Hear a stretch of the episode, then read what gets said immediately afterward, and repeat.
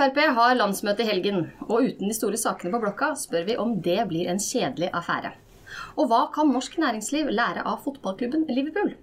Dette skal vi sammen med våre gjester finne svar på i løpet av de neste 20 minuttene.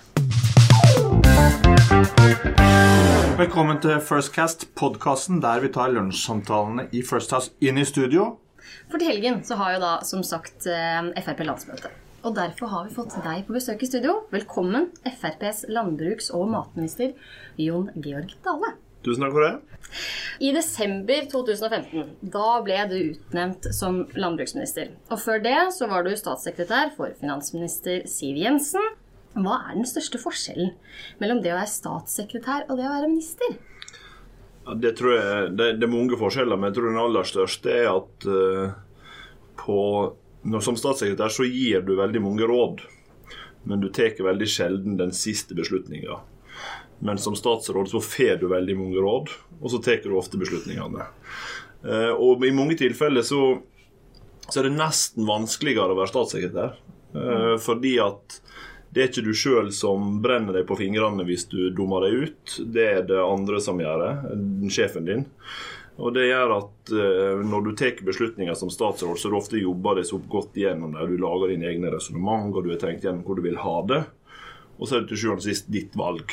Så da står du på en måte litt enklere i det enn hvis sjefen din måtte ha tatt et valg basert på de rådene du har gitt. Så jeg opplever for så vidt at kanskje den aller vanskeligste jobben i et regjeringsapparat det var den som skal gi de rette rådene hele tida. For det er ikke alltid du har alle forutsetningene nødvendigvis som må være på plass. Spesielt i store departement som har breide saksfelt. Mm. Men du ble jo da minister da du var 31. 31,5. 31 Hvor mye har livet ditt forandret seg etter at du fikk eh, den jobben? Nei, det håper ikke jeg all verdens mye. Det er klart at arbeidsbelastninga er litt annerledes, reiser mye mer enn jeg gjorde tidligere og slik. Men jeg har jo jobba med politikk siden jeg begynte å jobbe med, i stortingsgruppa til Frp i 2010.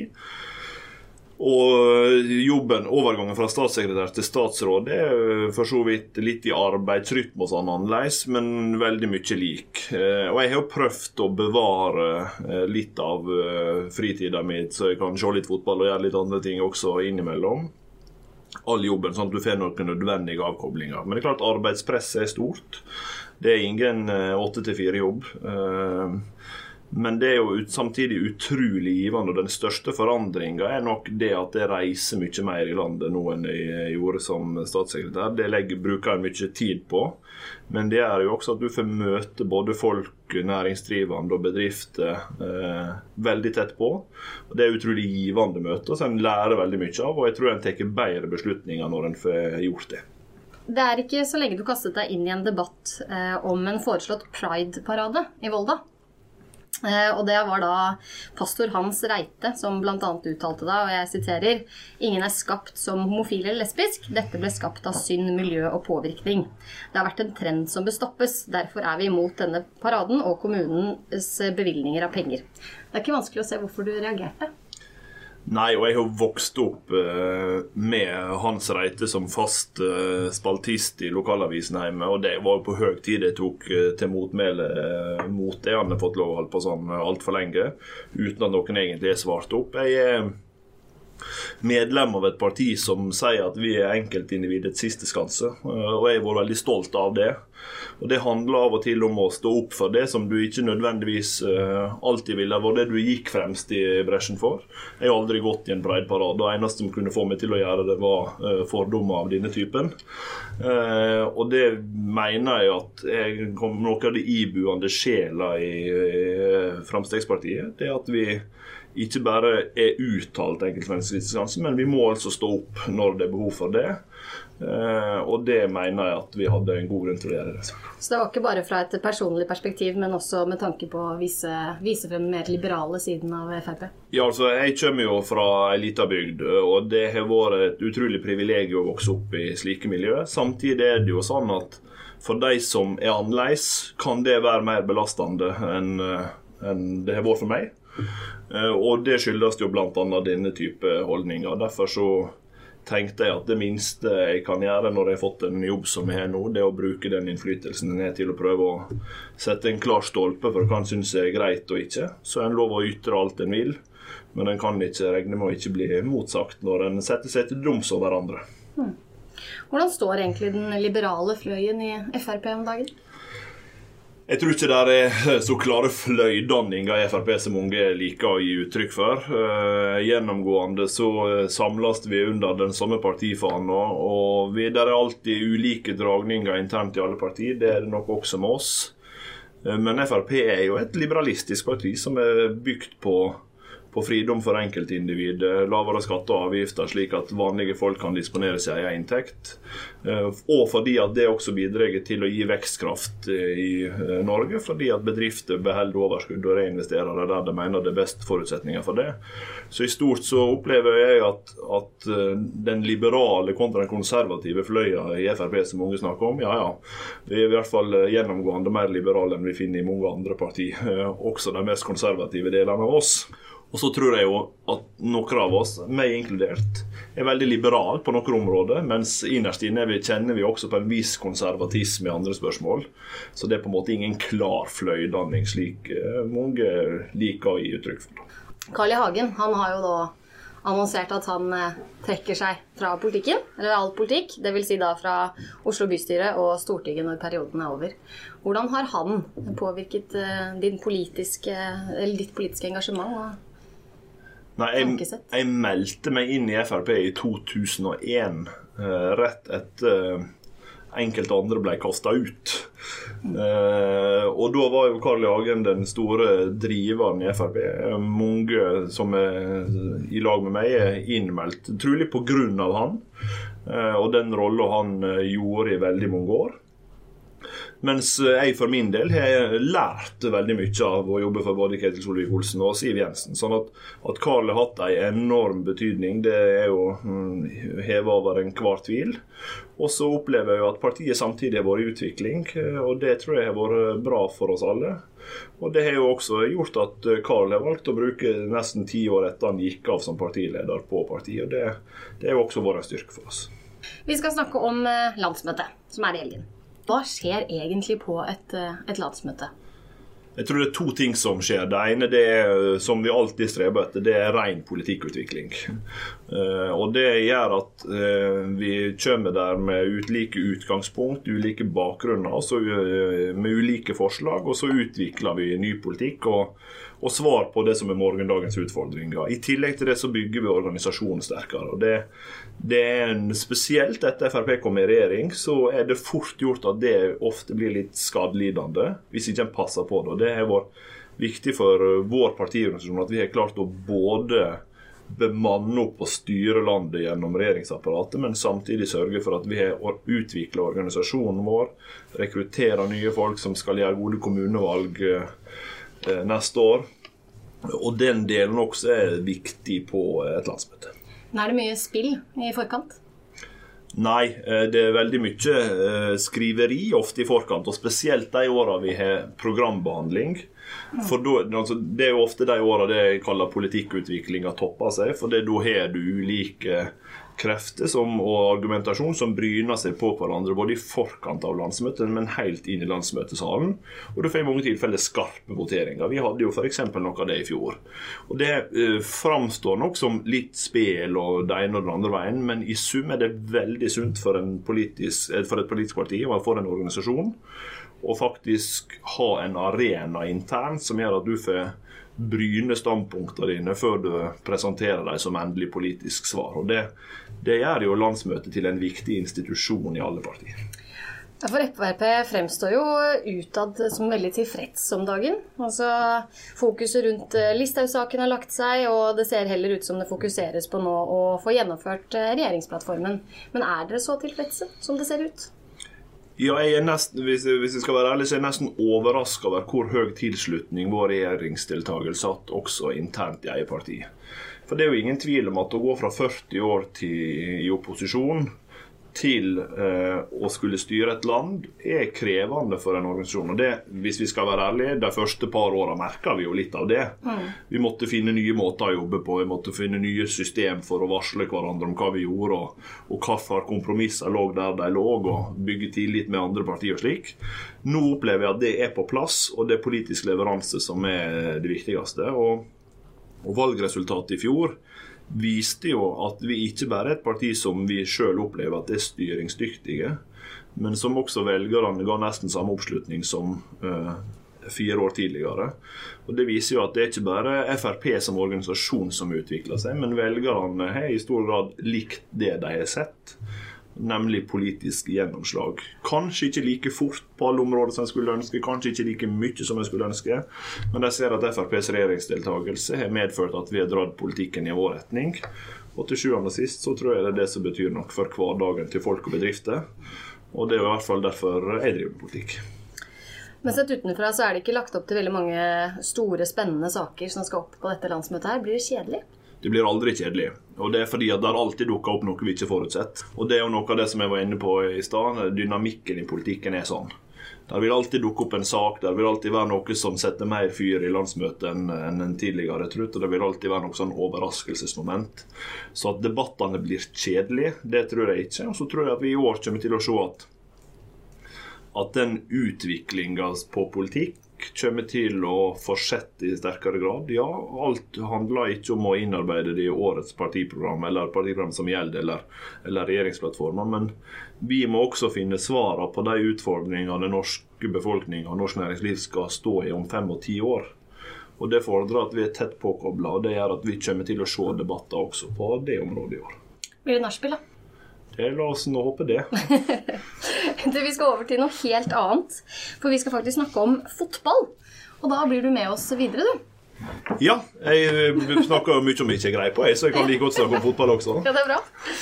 Og helt spesifikt så skal vi faktisk snakke om Liverpool. Det er jo ikke noe vi gjør noe særlig ofte her i First Cast. Men uh, det er en perfekt dag å gjøre det på. Dagen etter at Liverpool knuste Roma 5-2. Nå er dessverre du Tottenham-fan, men du skal få lov til å sitte her, Dale. Det er ikke dessverre, det, vet du. Det kan vi diskutere etter, etterpå. Vi skal ikke snakke om Salah, Mane eller Klopp, men vi skal snakke om historiefortelling. Eh, og Liverpools historiefortelling, og hvorvidt denne har noe overføringsverdi til norsk næringsliv. Og med meg i studio har, vi da, har jeg fått Ole Berge og Ketil Linseth, partnere her i First House, som hardnakket hevder Og jeg får vel si at dere er Liverpool-fan begge to, men hardnakket hevder Det er vel en underdrivelse, er det ikke det?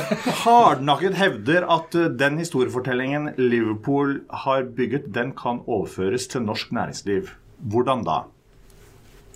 Jeg skal jo være Jeg liker aldri å egentlig Nå vil sikkert både Ole og Jon Georg flire, men, jeg, men jeg liker ikke å være hardnakka. Eh, men jeg kan heller si at jeg tror at eh, det, den måten Liverpool har eh, bygd opp kulturen i klubben på gjennom å fortelle om både legender, personer, historie, altså det vi kaller Labour-historier, har jo ført til at klubben ikke bare har en tilhengerskare på Matthew Street i Liverpool, men de har den fra Matthew Street i Liverpool til Tokyo i, i Japan. Og det er jo ganske fascinerende.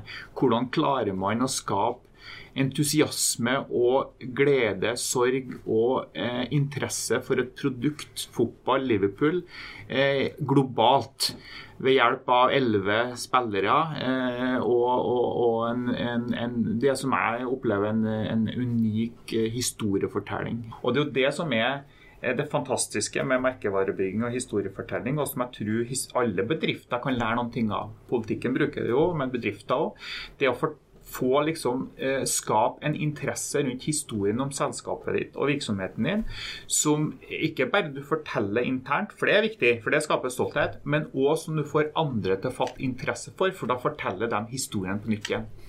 Uh, og jeg tenker på hvilket selskap i Norge som du kan sammenligne med. Kanskje kan du sammenligne et av de selskapene du kan sammenligne med Hydro, som hadde Sam Eide. Uh, som har den historien, og som har vært flink til å fortelle historien om seg sjøl.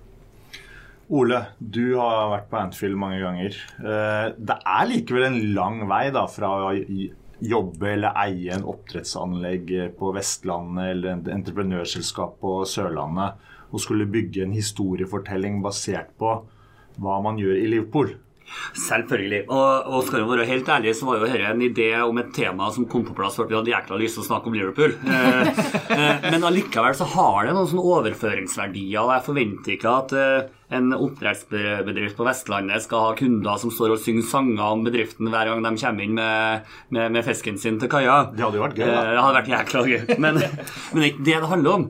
Eh, Men det som, det som fascinerer meg sånn med, med Liverpool og med fotball som fenomen, og kanskje spesielt eh, britisk fotball for oss eh, nordmenn, det er at eh, hver gang Liverpool spiller, så går jeg på en pub her i Oslo sammen med mange forskjellige folk som har blitt venner også på for jobb og hva det måtte være. Der er vi altså i alle aldre. Vi er fra alle politiske partier. Vi er embetsverk, på journalister, det er lege eller sykepleiere, eller rørleggere. Alt sammen som egentlig ikke har så mye til felles i utgangspunktet. Bortsett fra de 90 minuttene og en drakt og en historie om en klubb. Så blir det et fellesskap rundt det som er så sterkt at det er vanskelig å forklare. Eh, Og det er den fascinasjonen som jeg tror mange eh, i næringslivet eh, delvis lykkes med, men kanskje skal, skal, skal gjøre i enda større grad. Det å bygge den tilhørigheten, lojaliteten og kulturen eh, som, som skaper på en måte det fellesskapet. Eh, det er artig på eh, studieseminarer med jobben ei helg å snakke om internkultur og hva skal vi gjøre neste år, men, men det, må, det må være mer gjennomtenkt enn eh, helg i året. Men hvor skal man begynne som leder av et selskap? Eh, hvor begynner man for å skape sånne historier og skape den lojaliteten, skape de leirbålhistoriene som du sier, Ketil? alle har en eller annen form for identitet, han, og det er jo den man må ta tak i. En, den historien du ønsker at andre skal fortelle om deg sjøl, må må jo ta utgangspunkt i det du er, og den, den du, det selskapet faktisk holder på med det man gjør. og det er jo det Fotballen er så veldig godt uh, eksempel på. Og så, Jo eldre organisasjonen blir, jo mer man gjør, jo mer ting får man å fortelle om. Men jeg tror det, det, kan, det som du ser at de som lager merkevarer, er gode på å lage merkevarer, og en del fotballklubber er der. For det er globale, store brands. Som, så, vi kan jo se at det er tilforlatelig at det står 96 bakpå eh, på drakta til Liverpool. Sant? Men det er jo, sant? Det er en, det er jo en respekt for de 96 som døde under Hillsborough-tragedien i 89, så, eh, så det skal man ha respekt for. Men samtidig så er jo det med å lage sant? en tilhørighet og en historie rundt Liverpool som skaper emosjoner. Eh, og og det, det, der er jo ting som man må uh, passe på når man, eller være uh, bevisst på når man skal forme sin egen merkevare, og at man har en veldig klar historie som, som ikke bare er rasjonell, sant, som handler om kroner og øre. For jeg tror ikke folk går på jobben for, å, for nødvendigvis for å gjøre bunnlinja bedre, men de, man går på jobb for at man ønsker å oppleve noe som er sterkere. Og hva er sterkere enn historiene om det vi faktisk har opplevd sammen? Og da, da tror jeg alle ledere må ta utgangspunkt i det. D eh, Dale, helt til slutt. Eh, Vi skal ikke snakke om Tottenham, for de er ikke så gode til å bygge historier som Liverpool. Ikke prøv det. Men å bygge, Vi vi trenger ikke å bygge historier, for vi har ja. å bygge merkevaren Frp, det er, Pokalskapet til Tottenham det er det relativt eh, plasskrevende. å bygge merkevaren Frp, det er jo litt av din jobb. Hvordan, hva tenker du om det? Nei, men, men jeg, tror, jeg tror det som er unikt, ikke sant? og som fotballen har gjort, og som dels politikken gjør hvis, hvis, øh, Alle vet at, at det er mulig å skifte kone, men du kan ikke skifte fotballklubb. Og Den lojaliteten som du bygger gjennom den måten å tenke på, det er fordi at folk har forelska seg i historien. Og vi er irrasjonelle i valg av uh, fotballklubb i mange tilfeller. Men vi har likevel valgt når vi holder fast ved den hele tiden. Det er klart at det er mange bedrifter som gjerne ville hatt slike kunder, hvis de fikk til å få samme kundelojalitet. Og i politikken handler det om det. Det handler om at den punkt 1 både må ha resultat over tid. Velgerne må ha noe igjen hvis de skal være så lojale. På det andre så må de, de må kjøpe eh, følelsen av at en blir sett, og blir tillagt vekt og blir tatt på alvor. Og Det tror jeg er politikkens viktigste utfordring i en, i en tid der altså Før hadde vi jo mer sånn velgerlojalitet til de tradisjonelle store partiene. Nå er velgerne mer i flyt, og det gjør at også i politikken er historiefortellinga en vesentlig del av det. I tillegg til at vi må ha resultat. Og Det gjør jo at historie om Frp er jo hele tida i utvikling, og det tror jeg kanskje det som kjennetegner både politikken og fotballen. Det er at eh, en tar vare på identiteten. Vi vet hvor vi kommer fra. Eh, Vi er et parti som er bygd på Anders Langes parti fra 73, og vi, vi eh, drar med oss den historien og minner oss om hvor mange år eldre vi er blitt, akkurat som folk gjør det, og hva vi har opplevd på veien. Og så vet vi at grunnlaget for å rekruttere neste generasjon det er at vi ikke slutter å bare se oss bakover, men utvikler oss hele tida. Det, det tror jeg politikken og fotballen har til felles. Og næringslivet har naturligvis eh, også tilgrensende muligheter. Du må vite hvor du kommer fra, er rådet fra alle, hører jeg. Takk til våre gjester i studio, og takk til dere der hjemme som lyttet til oss. Husk å følge vår podkast på Facebook, og ta gjerne turen innom First House sine egne hjemmesider for oppdateringer. Mitt navn er Ine Oppsal. Og mitt navn er Håkon Borud. Vi høres. We conquered all of Europe. We never gonna stop.